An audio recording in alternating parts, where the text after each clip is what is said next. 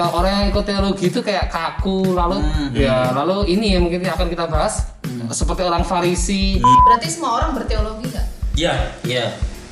Mau.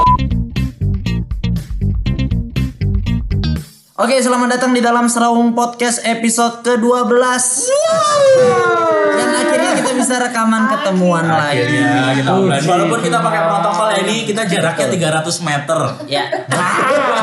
Ngomongnya pakai toa.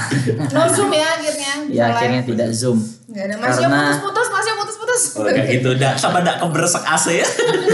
Kalau nggak, Ayam siapa yang masuk? suara burung ayamku, suara ayam burungnya di rumah ayam. Ayam, burung, motor dan segala macam. Dan anyway, kita akan langsung saja membahas ke topik yang kita bahas sesuai dengan yang kalian lihat di judul tadi.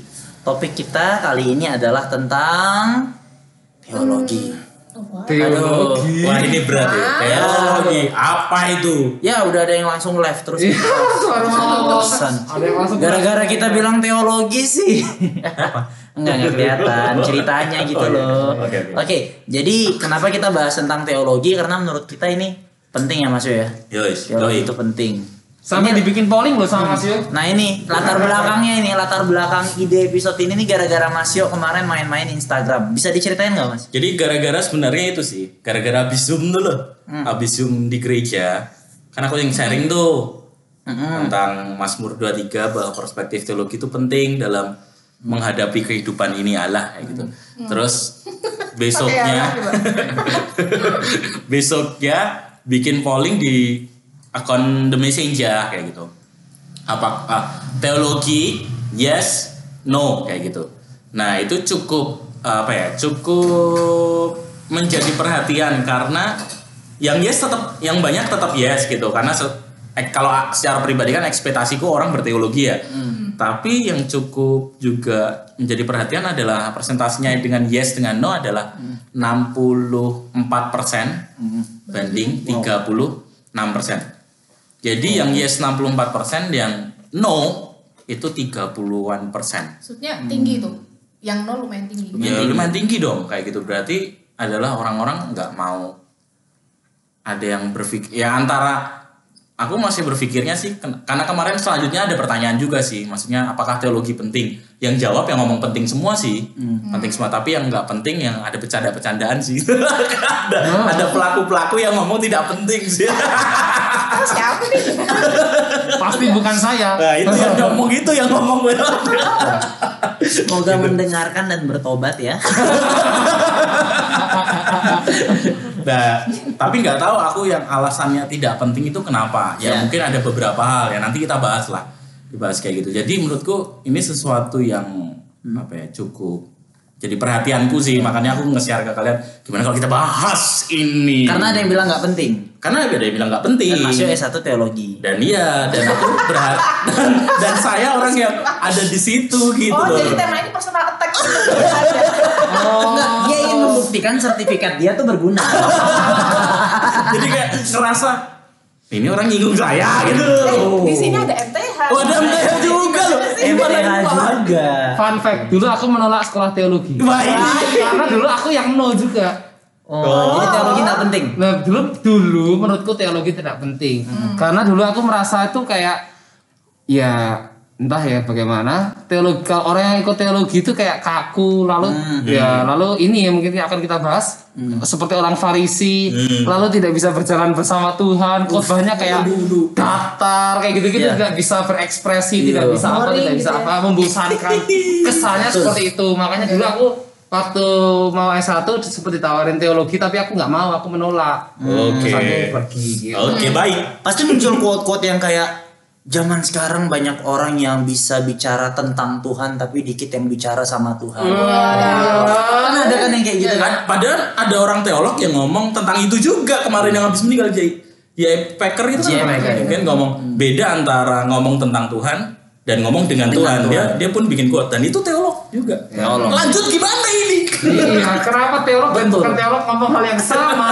betul betul betul tapi perspektifnya jadinya salah jadi quote quote itu seakan-akan bilang teologi itu nggak penting sama sekali nah nanti kita akan bahas lebih lanjut anyway supaya diskusi dan teman-teman juga dapat pengertian yang lebih komprehensif kan kita udah ada satu STH satunya juga MA dalam teologi nih nah kita kita yang berdua ini aku sama Kasian kita mendengarkan aja ya Iya, iya, iya. sama-sama kom jadi sebenarnya teologi itu apa sih Kalau gini kalau yang ngomong kita ya selesai ini nggak dapat. Teologi nggak buat semua orang gitu. Oke. teologi itu apa Teologi kalau menurut Wikipedia Eh, jangan oh, gitu bukan dong. boleh nggak boleh deh kan. Jadi kalau teologi sih menurut aku sih apa ya satu nalar berpikir mengenai tentang spiritualitas, agama dan tentang Tuhan kayak gitu. Jadi segala aspek yang mencangkup agama, spiritualitas dan Tuhan itu itu artinya teologi gitu loh. Jadi mempelajari semua itu aspek itu yang akhirnya kalau kita breakdown lagi ya tentang kehidupan kita. kirain kamu mau jawab Theo itu adalah Theo logos logos dan ya. Oh bercandanya tapi iya. sudah dibercandain. Dan pasti udah tahu lah kayak gitu ya. Ada memang ada yang belum tahu kayak gitu. Pasti harus tahu dong. Ya, Yang mana tahu lah, Oh tahu ya. lah. Jadi Theo itu iya Theo itu tentang Tuhan. Theo itu Tuhan gitu. Kalau log- logi kan logos atau itu kayak biologi lah tentang ilmu yang mempelajari. Jadi kalau secara singkatnya segala sesuatu ilmu yang mempelajari tentang Tuhan kayak gitu teologi. Karena Theo Tuhan. Ya. Nah, Sama. selesai. Master L. Sama. Ya. sama. Kurang lebih isinya gitu semua di internet. Aku cari juga semuanya barusan merangkum apa yang di internet mas yo. Aku bingung mau ngomong apa. Isinya sama di internet. Lah yang memang itu iya definisinya. udah itu. Ya udah ya udah kita Lanjut, kita yang emang teologi kita, kita emang teologi deh. Noel, Noel, apa deh? aku dulu. Teologi itu hmm, apa ya? Pengertian pemahaman bagi cara pandang sih cara Hmm. pandang juga bagaimana kita memandang tentang teos tentang Tuhan. Ya sama kayak biologi dan yang Ya. cabang-cabang ilmu lainnya. Teologi itu cuman dia lebih apa ya lebih sistematis lebih disusun berdasarkan ilmu. Jadi ya bisa masuk dalam disiplin ilmu aja. Ya. seperti itu. Kalau kalian Teologi, hmm, teologi itu kalau aku merangkum dari apa yang aku baca adalah study of God, study of God. Teologi adalah study of God. Jadi um, sebuah pendekatan ilmu yang dipakai secara apa ya sistematis untuk kita tuh mengenal dan mengetahui tentang Tuhan. Jadi kayak naturnya, terus karakternya, um, nah, karakter, nah karakter kehendaknya gitu dan dan lain-lainnya supaya kita tuh mengetahui dan mengenal tentang Tuhan secara komprehensif gitu. Oh, Jadi right. teologi itu pengenalan tentang Tuhan yang dilakukan secara sistematis agar pengenalannya komprehensif gitu. Hmm. Jadi aku pakai dua kata tadi. sistematis, supaya Sistematis. komprehensif gitu. Betul. Itu sama kayak itu ya, apa? Biologi kan kita lihat di sekitar kita ada burung, ada tan- tumbuhan, ada tanaman. Cuman kan tanpa ilmu pengetahuan kita nggak bisa menjelaskan aja kan. Jadi teologi itu ada supaya bisa menjelaskan. Nah pertanyaannya, kenapa sih banyak orang yang menjawab polling Mas Yuk teologi itu nggak perlu terus bahkan dikait-kaitin kan teologi nanti kamu jadi ahli Taurat loh Eh. jadi orang-orang Farisi jadi orang fasik gitu Enak bos, serutup. tehnya Tian enak Betul. enak banget Aku jualan teh jahe. Deket aja nggak apa-apa biar ya, deket aja. Apa ya? Kalau aku sih, ya itu walaupun kemarin dalam polling tidak dijelaskan kenapa kok tidak yang yang polling tidak terhadap eh yang polling no terhadap teologi tidak menjelaskan kenapa mereka menjawab no tapi asumsiku sih ya menurutku selama pengalamanku ya tadi yang sempat dia sebut sama Neo teologi itu hanya untuk kalangan akademisi gitu loh. Teologi itu mereka pikirnya adalah itu suatu pelajaran yang dipilih kayak kita mau jurusan apa sih?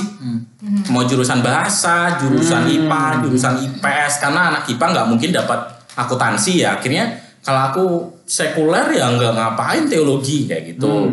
Terus yang berikutnya menurutku juga teologi itu udah punya asumsi negatif sama orang-orang karena orang ya itu ini oknum ya kebanyakan teolog itu kadang-kadang keras suka menghakimi seperti cenderungnya seperti orang Farisi. Memang orang Farisi pun para teolog sih memang kayak gitu juga.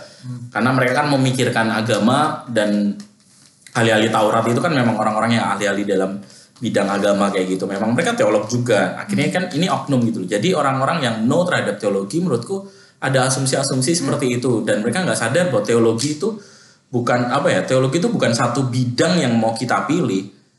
Karena itu ngomong tentang Tuhan ya aspek kehidupan kita mau nggak mau ada di situ. Semua seluruh aspek kehidupan kita gitu itu sih. Jadi kita perjelas bahwa ini bukan tentang masalah sekolah teologi. iya bukan tentang itu tapi ya pada dasarnya apa yang kita ngerti tentang Tuhan pengertian kita tentang Tuhan itu ya udah teologi berteologi kita sedang Iya, berteologi gitu loh apa yang Berarti- kita pikirkan tentang Tuhan gimana ya Berarti semua orang berteologi nggak? ya Iya. Hmm. mau nggak mau bahkan kalau misalnya orang ya kayak misalnya ateis gitu bagiku dia berteologi berteologi kan berteologi tentang ketiadaan Tuhan Iya kan? Iya, iya. mereka berteologi tentang ketiadaan Tuhan kayak gitu jadi Iya, benar-benar. Semua orang tuh berteologi waktu kita tiba-tiba merenung ya misalnya kita berdoa kit- cara kita berdoa itu menunjukkan teologi kita cara berteologi Iya. kita Iya. kayak gitu terus kita ngomong misalnya ya kita gini lah tentang ngomong tentang podcast kita bahas ini kita sedang berteologi Iya, iya. atau kita lagi ngomong apa ya ngomong tentang masa depan kesusah misalnya kita lagi curhat ya aduh gimana ya eh, dalam apa hidup kayak gini semoga Tuhan tolong ya itu juga teologi kita ngerti bahwa ada pertolongan dari Tuhan jadi semua aspek hidup kita mau nggak mau kita sedang berteologi gitu Iya, iya. benar. nggak bisa dihindari ya Nggak bisa Berarti dihindari. seketika siapa pun itu ngomong bapak surgawi itu udah teologi Iya. karena dia ngeliat bahkan Tuhan kalau kita Bapa. nge- lebih perdalam ya waktu kita bernafas saja Ya. lalu kita bersadar terhadap nafas itu kita akan pasti mengasumsikan bahwa kita ini makhluk ciptaan yang diciptakan oleh pribadi. Ah. kayak gitu. Bahkan kita menyadari alam semesta gitu ya. Wah indah banget. Cip, apa indah banget ini. Siapa yang nyiptain? Kita nyanyi lagu pelangi pelangi opla. Eh pelangi pelangi Allah indah itu berteologi. Itu juga dong. Tuhan kirimkanlah aku.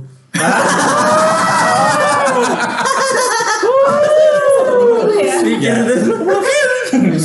ya. ya itu ya poin itu loh maksudku berteologi itu tidak bisa itu bukan pilihan tetapi itu bagiku malah sesuatu yang mendasari tentang Tadi kehidupan menarik kita. loh. Bahkan ateis saja berteologi. Karena Iya. ateis itu apa coba? Ateis. Theos. Theos. Jadi dia memikirkan tentang Tuhan dan kesimpulan dia adalah Tidak ada uh, Tuhan. Theos itu A. Maksudnya Hmm. tidak Tuhan ada itu tidak ada. absence betul Maksudnya bahkan orang yang tidak mengakui Tuhan pun menamakan dirinya ada kata Theosnya. Iya, di iya makanya dia. kan bingung kan sebagai orang Kristen Iya. kok sempat bingung maksud 30% ini lebih mereka ya pastilah followerku banyak kan follower messenger. Banyak kan orang-orang Kristen kan karena mereka beli kaos messenger kan kaos rohani ya. Kayak gitu ya pasti orang Kristen ya. Ya Nah, itu- mungkin itu 30% tuh pengikut akun satir oh yang gila nempel. Mas-mas mas-mas jual kaos gitu aja Eh, atau mengikut ani apa namanya eh, akun kaos lain. hmm. Atau ownernya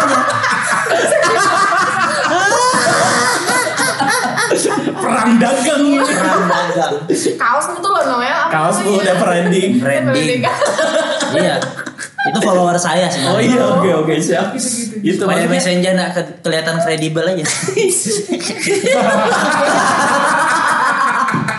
tidak bisa gitu. Oke, oke. Apa balik lagi tadi? Maksudnya gini, orang ateis pun adalah orang yang berteologi.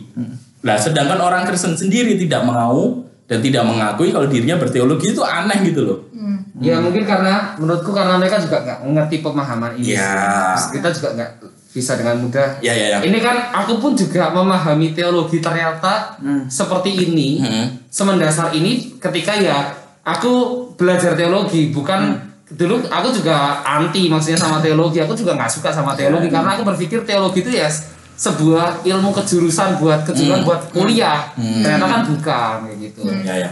tapi bisa diceritain nggak kok tiba-tiba mau kuliahnya Nah, teologi ini menarik. Sebenarnya aku juga belum bertobat memahami teologi. eh, apa namanya? eh, aku memilih sekolah teologi ini eh, sebelum bertobat. Jadi karena dulu tuh ada katanya ada peraturan bahwa kalau kamu mau khotbah di lebih dari 700 orang harus ada gelar teologinya. Oke. Ada ya. Katanya sempat ada isu itu, entah papaku bikin-bikin supaya aku sekolah teologi. Tapi intinya Nampaknya kelihatannya itu sih. ya udah jemaatnya 699 tapi intinya gara-gara itu aku jadi sekolah teologi. Nah Oke. gara-gara waduh kalau anu nanti eh, nggak bisa nggak bisa ke ke, ke, eh, hadapan banyak orang istilahnya kayak gitu. Nah jadi akhirnya akhirnya sekolah teologi. Nah di dalam sekolah teologi baru aku ngerti ternyata teologi itu hal yang mendasar di dalam kehidupan. Bukan cuma masalah kuliah teologi. Gitu semoga teman-teman banyak yang mendengarkan Ya. ini dan terbuka insight-nya Jadi intinya kita tidak bisa menghindari berteologi. Kan ada orang, aku pernah baca meme sih, dia bilang, I don't need teologi, aku nggak perlu teologi gitu. Terus ada orang yang nanya, menurutmu Yesus itu siapa? Tuhan dan Juru Selamat. Itu barusan teologi bro. Oke. Jadi ya kita tidak bisa menghindari kita semua itu pasti berteologi. Iya. Dan ada orang-orang yang memang mempelajari teologi, dia lebih ahli di sana, tapi sayangnya sepertinya ada eh, kebanyakan orang-orang itu membuat image-image yang kurang baik gitu ya. Image yang kurang baik di kalangan orang-orang Kristen sehingga muncul perkataan yang kayak kamu nggak perlu tahu banyak tentang Tuhan, yang penting relationship. Bedakan tahu Tuhan dan kenal Tuhan. Wah, kan yang gitu-gitu iya. yang biasa dibilang. Kamu nggak perlu baca buku-buku banyak, nggak perlu ngerti ini apa soteriologi, kristologi apa segala macam. Yang penting hubungan dengan Tuhan. Padahal kan itu barusan teologi juga. Kayak gitu. Nah itu yang perlu untuk diluruskan. Nah sekarang teologi seperti apa sih yang harusnya dimiliki, Mas Yo?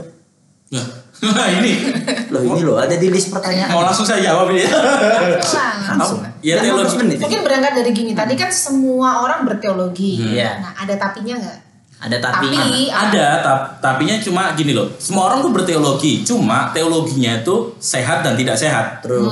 Buruk, ya aku kalau ngomong buruk itu juga nggak mau sih menghindari. Aku lebih tepatnya lebih sukanya sehat tidak sehat sih. Maksudnya berteologi secara sehat dan berte- eh, berteologi secara tidak sehat atau ya tadi buruk atau baik kayak gitu. Jadi cuma dua itu hidup kita tuh cuma ada di dua titik ini gitu loh. Kita nggak bisa untuk tidak berteologi tidak mungkin karena kita semua berteologi. Cuma teologi yang kita pahami cara kita berteologi itu baik atau buruk, sehat atau enggak kayak gitu aja. Definisinya apa? Teologi yang sehat. Biblical Yes. Mau nggak mau Bisa biblical. dipertanggungjawabkan di dalam Iya. kita. Jadi ya memang ini jadi gini berteologi kayak misalnya kita bermusik kayak misalnya kita bermusik semua orang bermusik gak sih? Kita tuh ngelet nilai mukul-mukul ini kan kita bermusik juga mengeluarkan suara kan kayak gitu. Tapi kan ada orang-orang yang sedang belajar itu lebih dalam. Biasanya kita dibantu untuk kita memahami cara bermusik kita dibantu oleh orang-orang ini.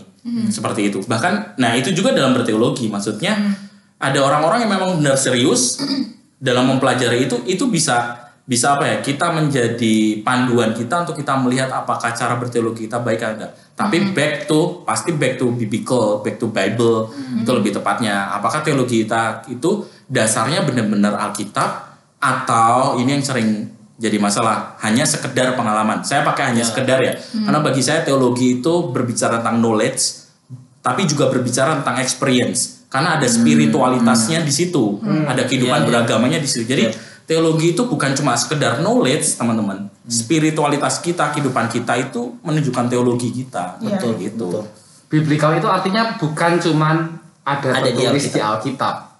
Iya dong. Iya. Nah, nah, kan enggak karena kan itu juga Bukan termasuk literally. eh, sudah termasuk apa? penafsiran lagi kan. Iya.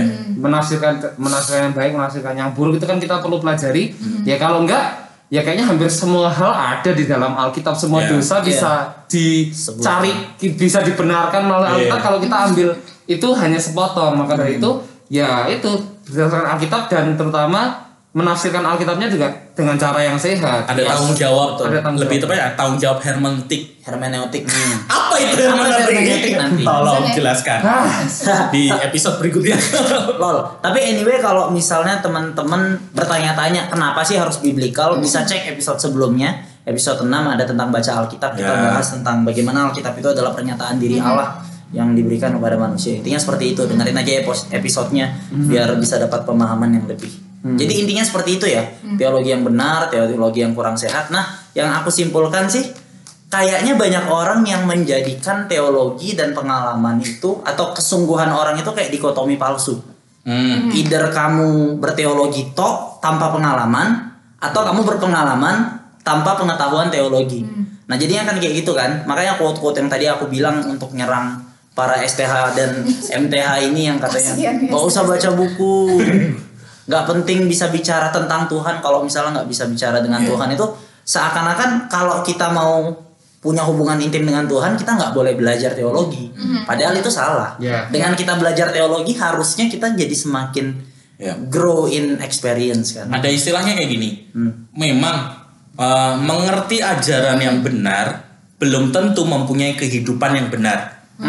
Tapi untuk kehidupan yang benar butuh pengajaran yang benar. Baik Baik. Sadis. Selesai. Kutip tuh kutip. Posting Kita di story. sekarang. Podcastnya selesai. gitu memang. Aku aku cara memahaminya adalah aku belajar memahami diriku sih. Maksudnya gini.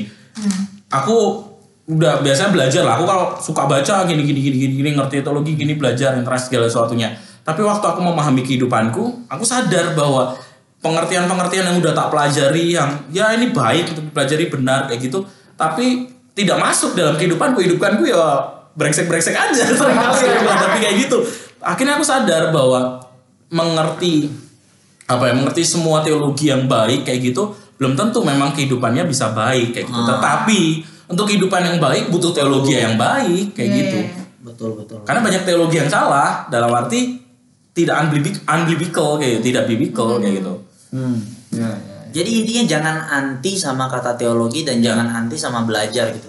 Nggak nggak ya mungkin takut dicap kutu buku lah, dicap ahli ahli Taurat lah, dicap gimana padahal enggak, padahal itu penting juga seperti itu. Nah, anyway ini udah masuk yang terakhir nih. Kalau begitu, bedanya apa sih orang-orang Kristen yang tidak belajar teologi sama yang belajar? Apakah semuanya tuh harus punya pengetahuan sama kayak STH, MA, PhD, doktor, profet. kan kita bicarain gelar. iya oke siap. Atau, atau gini deh pertanyaannya, sejauh mana sih misalnya aku nih kuliah komunikasi, Kak Tian komputer ya? Atau ada teman-teman di teknik sipil, di kedokteran kan mereka pasti berteologi dan perlu punya teologi yang benar. Sejauh mana sih mereka harus paham itu? Apakah harus setara dengan teman-teman yang STH? Aku menanya balik deh sama teman-teman yang misalnya nggak sekolah teologi gitu. Ada nggak kayak desakan atau apa ya kayak istilahnya Dorongan. eh, bu- kayak tekanan gitu, tekanan minder ah apakah aku harus sekolah kitab? Apakah pengertianku harus seperti ini? Kayak apa tekanan seperti itu dan gimana menjalannya dalam hari-hari ini? Kayak gitu. B, pertanyaannya B ya B. Apa Bi gimana? Maksudnya ada nggak tekanan gitu? Apakah aku jadi kan gini, kalau orang sekolah kitab kan ya ngomong ya udah harus belajar seperti ini ini ini. Tapi kalau kalian yang tidak memutuskan untuk sekolah Alkitab, Hmm. Hmm. Kalau aku sih menyadarinya gini ya karena kan fokus di penginjilan gitu. Pada akhirnya kan dulu aku pikir bahwa Injil itu sederhana gitu. Aku berangkat maksudnya pertama kali aku meresponi uh, panggilan Tuhan untuk memberitakan Injil itu aku berpikir bahwa Injil itu sederhana bahwa Yesus mati, Yesus bangkit untuk menyelamatkan manusia dari dosa. That's all gitu. Aku nggak butuh teologi yang ribet, aku nggak butuh hal-hal yang rumit. Toh aku mikirnya kayak toh orang-orang yang tidak teredukasi, pasti orang-orang yang tidak terlalu intelektual nggak akan menanyakan apa pun gitu loh. Aku cuma butuh cerita itu ke orang lain. Nah, tapi ternyata setelah aku menjalaninya, ternyata feedback dari penginjilan tuh banyak banget pertanyaan-pertanyaan yang aku nggak bisa jawab. hmm, Yang paling sering tuh Tritunggal, ketuhanan Yesus, keabsahan dan kevalitan Alkitab, terus ya dan lain dan lain lah gitu. Nah itu kan aku nggak bisa jawab, tapi kan harus dijawab gitu. ya, Hmm. Mereka kan kan aku bilang aku pengen or, oh, pengen orang mengenal Yesus. Aku cerita tentang Yesus. Nah ternyata feedbacknya adalah pertanyaan, mas aku nggak jawab gitu. Nah dari situ aku mendapat kayak Mas bilang tadi sebuah tekanan lah atau dorongan gitu untuk iya ya.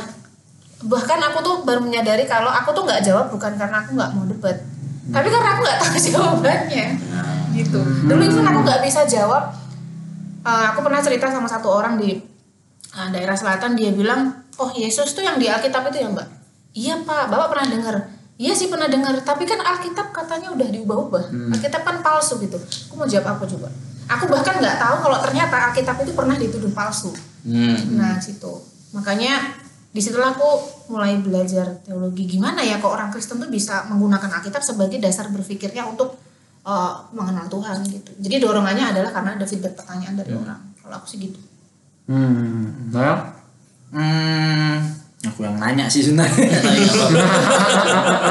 apa ya? Ya sekali lagi tergantung dengan orang itu sih kayak kata Mas Yo seberapa besar dorongannya. Kan kita juga tahu nih eh, kita tuh ditempatkan Tuhan ke mana. Ada orang yang akademis banget, ada orang yang mungkin dia ketemu di orang-orang yang desa yang tidak terlalu akademis kayak gitu. Tapi intinya adalah kalau menurutku semua orang tuh perlu punya dasar teologi yang sehat dulu. Nggak seberapa dalam, seberapa jauh. Kan banyak tuh kan MA kan ada yang pastoral konseling, ada yang apologetika, ada yang pneumatologi, demonologi pun ada kan misalkan. Apa Angelologi. magister setan, lu lu lu magister lu. setan demonologi.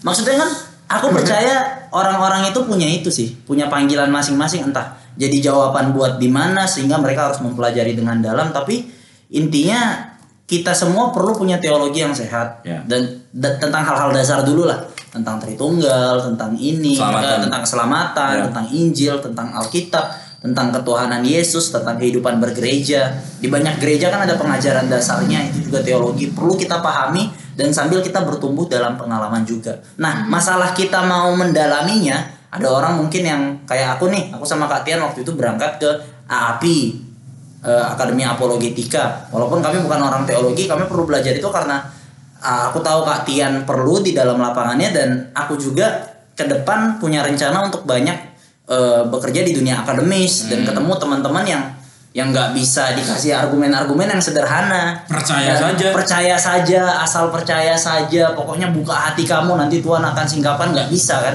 Eh, aku perlu perlu pengetahuan tentang apologetika ya aku dalami ke sana. Tapi aku tidak mau memukul rata semua orang sih. Hmm. Ya, ya, ya. Kayak pokoknya Iya. kamu harus sama kayak gini, harus sama Iya. kayak gini. Nah, ini akan mengarah ke sisi Pastoral. pastoral. Atau gini deh, seberapa jauh kamu eh, Pastor L akan nge-push anak-anak untuk Iya, iya. belajar gitu? Kalau aku melihatnya tuh gini, em, aku melihat bahwa tidak semua orang itu memiliki kemampuan uh, intelligence untuk memahami teologi secara akademis. Karena aku pun sejujurnya agak mengakui aku punya itu, walaupun aku ya setelah aku terjun di dalamnya, aku belajar semampuku. Aku jujur tuh bukan orang yang suka belajar, bukan orang yang mudah paham semuanya. Makanya kalau ya selalu bahasa aku tuh bahasa yang simpel karena ya pancen bukan orang pinter yang Iya. gimana. Nah, tapi seperti aku aku jadi merenungkan apa yang Tian barusan katakan gitu loh. Ketika dia punya urgensi untuk memberitakan Injil di, di, di dalam pemberitaannya Injil, pasti akan ada pertanyaan-pertanyaan dan pertanyaannya yang dihadapi Tian mungkin akan dihadapi oleh banyak orang.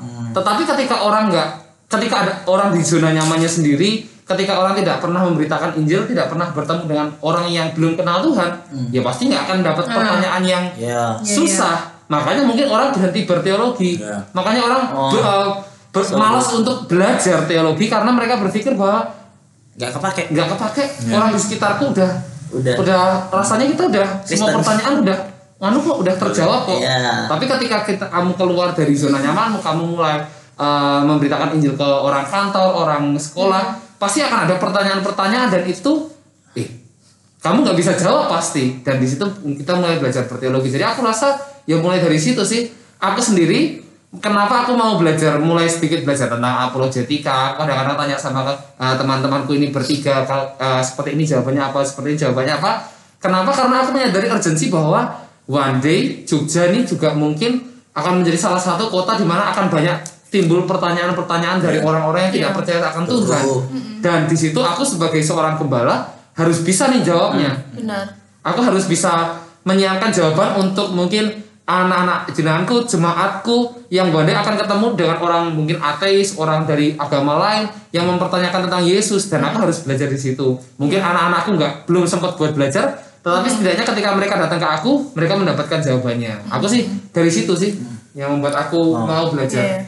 Dan apa ya teologi ini aku juga mau kayak tadi ya apakah eh, makanya aku tadi tadi ngepush kayak karena lingkungan. Tapi aku percaya gini karena teologi itu berasal dari Alkitab. Alkitab itu untuk semua orang. Alkitab itu tidak akan mudah dipahami oleh orang yang paling pintar sekalipun Iya. tapi Alkitab itu sangat mudah dipahami oleh orang yang paling bodoh sekalipun. Dan aku sangat percaya Allah tuh akan menolong kita dengan te- pemahaman teologi gini. Jadi kita tidak bisa dipukul rata gitu loh. Ada orang-orang sampai belajar filosofi philosophical thinkingnya tentang Alkitab ya. Lah misalnya mbah-mbah yang ada di itu gimana? Apakah mereka butuh teologi yang sehat? Tetap butuh. Tapi aku percaya bahwa ada penyediaan Tuhan dalam kehidupan mbah ini gitu loh. Iya. Jadi mbah ini akan dituntun, akan menghadapi orang-orang dan akan diberikan pengertian juga. Sekali lagi ya, ini anugerah ya. Kita bisa belajar teologi bukan karena kemauan kita juga, tapi kita sadar bahwa ini anugerah yang disingkapkan Allah bagi kita. Misalnya mbah-mbah kayak gitu. Aku percaya bahwa Allah akan menyediakan juga pemikiran, pemahaman yang tepat buat mbah-mbah ini, misalnya untuk berhadapan dengan lingkungannya. Dan teologi itu bukan sekedar untuk kita menjawab, tapi teologi itu bagaimana kita menjalani hidup juga. Yes. Waktu kita stres misalnya, waktu kita ngadepi masalah, waktu itu kan kelihatan orang berteologi sehat nggak sehat kan kelihatan. Orang Kristen yang misalnya lagi ngadepin masalah, itu kan kelihatan bagaimana bukannya sekedar jawab pertanyaan dari luar ya tapi bagaimana kita menghadapi pilihan-pilihan hidup nanti wah aku kerja di mana ya, itu akan kelihatan teologi sehat atau enggak akan di situ gitu loh. Apa yang cari gajinya doang atau memang dia melihat kepentingan kerajaan Allah kayak bahasa bahasa kayak gitu. Jadi aku percaya gitu loh bahwa Tuhan tuh akan menolong kita dengan teologi ya yang apa ya yang sesuai yang sesuai dengan kita. proses hidup kita gitu loh. Jadi buat teman-teman yang dengerin ini jangan tak- jangan kayak ketakutan gitu. loh. Wah, gue harus belajar seperti Pak Pester ini kayak gitu kan, kayak itu enggak enggak enggak enggak itu. Tapi kalau memang kalian digerakkan dan kalian melihat lingkungan kalian dan intinya sama sih semua. Kerinduan untuk belajar kebenaran firman. Aku tuh ingat ini loh. Dan satu hal gini ya.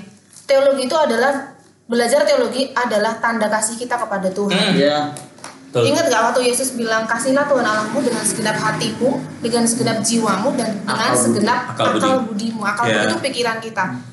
Eh, waktu itu sebenarnya Yesus tuh mengutip eh, ulangan 6 kalau nggak salah yang Shema Iya, Israel, Shema dengarlah hai Israel gitu. Jadi itu tuh sebuah sebuah apa ya instruksi atau kerinduan Tuhan juga bahwa kita tuh mengasihi Dia nggak cuma dengan pakai perasaan kita tapi Iya. dengan akal budi kita gitu. Nah kemarin aku uh, ngobrol sama temen-temen PMK gitu, ada satu temen yang nanya, kak salah nggak sih? Dosa nggak sih kalau aku kalau aku tuh mempertanyakan Tuhan? Gitu. Hmm. Dia bilang gitu. Dia tanya-tanya agak malu-malu agak takut gitu, kak salah nggak sih aku mempertanyakan tentang Tuhan? Terus aku bilang aku jawabnya gini, enggak sih itu adalah tanda kasihmu kepada Tuhan, karena kamu pengen kenal Tuhan tuh siapa.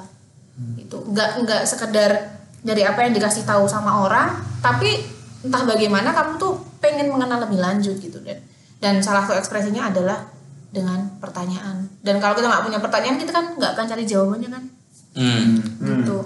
Ya. Ah, antara wis paham atau bosen. Atau masa bodoh masa gitu. bodoh dan masa bodoh itu bukan bentuk kasih loh. Yes. Ya ya nggak sih? kalau betul. siapa deh orang yang kita kasihi gitu ya udah yang penting aku bisa dapat benefit apa dari dia. Tapi kayak aku nggak peduli dia siapa aku nggak peduli dia maunya apa sifatnya gimana gitu. Dan itu menurutku sebuah pengabaian sih dan itu bukan bentuk kasih. Jadi Yes. berteologi itu adalah bentuk kasih kita kepada Allah. Ya. ya Betul.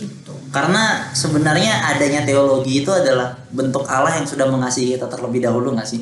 Bayangin loh orang-orang di luar sana Ya. nyari nyari pengetahuan tentang Tuhan ke mana-mana. Mereka naik gunung mereka ke pohon mereka lihat langit mereka lihat eh, peninggalan-peninggalan berbakala tapi yang bisa ngasih tahu kalau misalnya Tuhan ngasih pewahyuan Tuhan ngasih Alkitab Tuhan ngasih teologi kepada kita itu karena Tuhan memang pengen menyatakan dirinya. Iya. memang aku tuh pengen pengen dikenal oleh kalian dan dikenal tuh bukan cuman bicara tentang apa ya tentang pengalaman tentang semrewing semrewing merinding merinding enggak. Tapi melalui berteologi melalui belajar itu juga Ya. pengenalan akan Tuhan. Sebenarnya itu mahal banget loh. Yes. Tuhan mana lagi yang datang? Ini kenali aku nak. Kayak aku datang bahkan udah dikasih dalam bentuk Alkitab yang bisa Ya. dimengerti sampai opungku ada Alkitab bahasa Batak ada Alkitab bahasa Ya, ini dan. Tuhan tuh baik banget bisa nyediain kita pengetahuan yang sangat mahal itu. Masa sih kita mau untuk berkata nggak usah dipelajari? Iya. Ya. Aku sering eh, siapa nih? Ya, Aku- ya, ya, ya, ya, ya, ya. lanjutin dari tadi loh kalau berteologi adalah bentuk kasih kita kepada Tuhan dan dan harusnya ya ini menurutku normalnya ya se- semakin orang tuh berteologi semakin dia tuh berdevosi Ya. kepada Tuhan semakin dia berteologi semakin dia itu akan menunduk tuh loh di hadapan Tuhan Ya. dia akan semakin dia tahu banyak tapi semakin tahu banyak semakin dia sadar kalau dia nggak tahu apa-apa yes Teologi yang sehat. true gitu jadi jangan Apa quote-nya? Di bio-nya Mas Yo waktu itu kan? The more Uh, I know, the more I know, I know the less. Ya, itulah. The more I know, the more I know that I don't know. Nah, ya itulah. dan kadang-kadang teologi juga dibilang kayak kayak dijadiin bahan olokan gitu loh. Ah nggak mau lah aku belajar teologi. Sama aja tuh lihat tuh orang teologi juga kelakuannya kayak gitu. Iya. nah itu kesalahan logika. Namanya namanya ad hominem gitu. Iya. kamu mengatakan sesuatu jelek hanya gara-gara sesuatu itu nempel ke pribadi seseorang. Yes. kalau aku bilang eh, Noel Noel misalnya main musik rock gitu. Terus aku nggak suka nih sama sama apa yang dimainin sama Noel terus aku bilang ah musik rock jelek ah Iya. tuh buktinya dinyanyiin Noel jadi jelek gitu. Apakah musik rock jelek? Kan enggak gitu. Nah sama, bah fakta bahwa banyak orang yang sedang berteologi dan ternyata hidupnya tidak sinkron dengan apa yang dia katakan, itu tidak menjadikan teologi itu Salah. salah gitu. Ya, kebenaran betul. ya tetap kebenaran. Betul, betul. Gitu. Betul, betul, betul. Wow, diskusi yang sangat luar biasa teman-teman. mantul Baru setengah jam loh. Baru setengah jam. Kayak tadi bentuk mengasihi sih. Aku sering banget marah sama anak-anak messenger tuh kalau misalnya apa ya? Dulu sempat kan sempat kita baca Alkitab sehari satu pasal kayak gitu kita share. Itu selesai kayak gitu. Habis itu karena sudah selesai akhirnya yaudahlah aku nggak wajibin lagi nggak wajibin lagi untuk nggak wajibin lagi untuk baca Alkitab kayak gitu. Tapi akhirnya beberapa bulan kemudian tak tanyain siapa yang masih rajin baca Alkitab. Dan nggak ada aku sempat marah dalam arti yang marah kudus Ah. Mas Yoman. Membanting meja di bait Allah. Nggak, Sarang penyamun. aku tuh marah gitu loh karena aku sadar bahwa Alkitab itu adalah penyingkapan Allah yang diberikan kan gini ada wahyu umum dan wahyu khusus gitu ya. Wahyu khususnya pribadi Kristus dan Alkitab itu dan Alkitab tuh diberikan sama kita oleh Allah karena gini loh. Ini loh ya ampun ini semua sarana untuk kamu mengenal aku tuh ada di sini kayak gitu. Kamu tuh dan wahyu khusus kan kita kalau kita ngerti bahwa ini adalah diberikan kepada orang-orang pilihan saja gitu umat pilihan. Kalau kita nggak sadar sama Alkitab bahwa ini adalah pewahyuan yang Allah berikan, penyingkapan yang Allah ingin kita kenal dirinya, ya jangan apa ya, jangan terlalu ekspektasi kalian jadi orang Kristen. Kalian memang bukan umat pilihan tak gitu. kalau kalian nggak kalau kalau kalian nggak nggak apa nggak nggak suka sama Alkitab, ya memang mungkin kalian bukan umat pilihan gitu loh. Karena bagiku kalau umat pilihan kalian akan begitu mengasihi firmannya gitu loh. Kita bisa ngomong mengasihi Yesus tapi tidak mengasihi firmannya itu omong kosong. Ya. Dan waktu kita baca Alkitab, itu adalah sumber teologi yang terbaik dari hidup ini gitu loh. Kita boleh punya pendeta, kita boleh punya apa ya? Or, motivator. Kan saya tidak motivator motivator klub ya men gitu ya. Kan bring back the gospel to the pulpit. apa ya? Punya pendeta, punya apa ya? Kita sering Bola lah. Panutan. Dengar. Ya. Tel- eh, siapa eh, yang ada di YouTube, siapa pun kita sering dengar kayak gitu tiap hari. Tapi teman-teman sadari bahwa teologi terbaik bersumber dari Alkitab saja. Kayak gitu. True. Oke, salah satu contoh dari teologi yang tidak sehat itu kan tadi sempat dibahas juga adalah tentang ketika dia tidak sumbernya tuh tidak tidak dari Alkitab, tidak biblikal. Nah, kecenderungan orang zaman sekarang ini kalau kita perhatikan banyak yang mencampur teologi dengan sudut pandang dunia lain, dengan apa ya? Ya dengan worldview lain, Worldview. dengan cara-cara yang tidak biblikal, terus dia gabung dengan teologi dan menghasilkan apa ya? Menghasilkan satu sudut pandang yang nano-nano kayak gitu. Iya. Buat view baru. Worldview baru lagi kayak gitu. Contohnya contohnya, ada yang mau ngasih contoh nggak? Contohnya, aku ada sering sering mendapati sih bahwa ketika eh, wah kalau lagi dikotbahin tentang Allah itu mengasihi itu kayaknya dia banget sangat sangat sangat mendalami, sangat eh, merenungkan, terus lalu mulai mengekspos kasih Tuhan itu begitu luar biasa. Begitu dia kena masalah, begitu dia harus mengampuni. Loh itu kan satu paket ya maksudnya. Ya. Ya. Ya. kita diampuni lalu kita harus mengampuni. Lalu dia mulai cari sumber-sumber lain yang kalau kamu disakiti lari aja pergi aja. Yang yang yang Self- tidak biblikal gitu loh. Yang akhirnya ya kalau ya kalau aku lihat kalau aku baca dari storynya kalau aku baca dari postingannya ya bersumber dari misalnya orang-orang yang tidak percaya sama Tuhan. Loh kalau kayak gitu tuh gimana caranya? Kok bisa gitu loh? Bahwa kita sangat suka diampuni tetapi giliran kita suruh mengampuni kok kita nggak mau? Kita kayak ngambil Alkitab itu ya sebagian sebagian aja. Nah kalau dari tulisannya Tian di ada worldview baru yang nggak bisa dikategorikan ketiga payung ini. Nanti saudara kapan-kapan ke kontakannya Tian A- itu namanya spiritualitas kontemporer. Ciri-cirinya apa? Moralitas absolut dihilangkan self-centric, lalu mencampur, mencocokkan, dan bereksperimen dengan semua worldview untuk mendapatkan satu worldview sendiri yang dirasa cocok untuk dirinya. Jadi kalau aku melihat sering kali masalah emosional gak sih kayak gini? Iya. Ya, ya. Karena dia tahu kelemahan dirinya yang harusnya dia sangkal karena firman Tuhan, yang harusnya dia udahlah aku mengampuni lah, aduh udahlah aku harusnya minta maaf, tapi dia nggak mau. Akhirnya dia cari worldview yang cocok dengan dia yang Ya, ya. ya sudah yang cocok dengan kedagingannya dia aja. Itu sebenarnya dijelasin di sama Paulus sih di 2 Timotius 4 Iya, ayat 3. betul, betul, betul. Karena akan datang waktunya orang tidak dapat lagi. Ini tidak dapat lagi ini ada dua hal, yaitu tidak ada pengajar. Karena ini tekanan dari Paulus untuk Timotius sih. Kayak Paulus kan eh, Timotius kan gini, beritakanlah firman siap sedialah baik atau tidak baik waktunya. Nyatakanlah apa yang salah, tegurlah dan nasihatilah dengan segala kesabaran dan pengajaran. Karena akan datang waktunya orang tidak dapat lagi menerima ajaran sehat. Tetapi jadi nih orang tidak dapat lagi itu tanggung jawab kita pengajar karena tidak mengajarkan. Iya, iya. Tapi ada yang kedua juga, tetapi mereka akan mengumpulkan guru-guru menurut kehendaknya untuk memuaskan keinginan telinganya. Jadi memang kayak gitu ke keadaan apa ya? Keadaan keadaan yang berbahaya kalau kita udah ngerti teologi sebaiknya memang kita mengajar kayak gitu loh, memberitahu kayak gitu. Tapi tadi ya dengan kesabaran, dengan lembut, ada ada kasihnya di situ juga, bukan dengan penghakiman.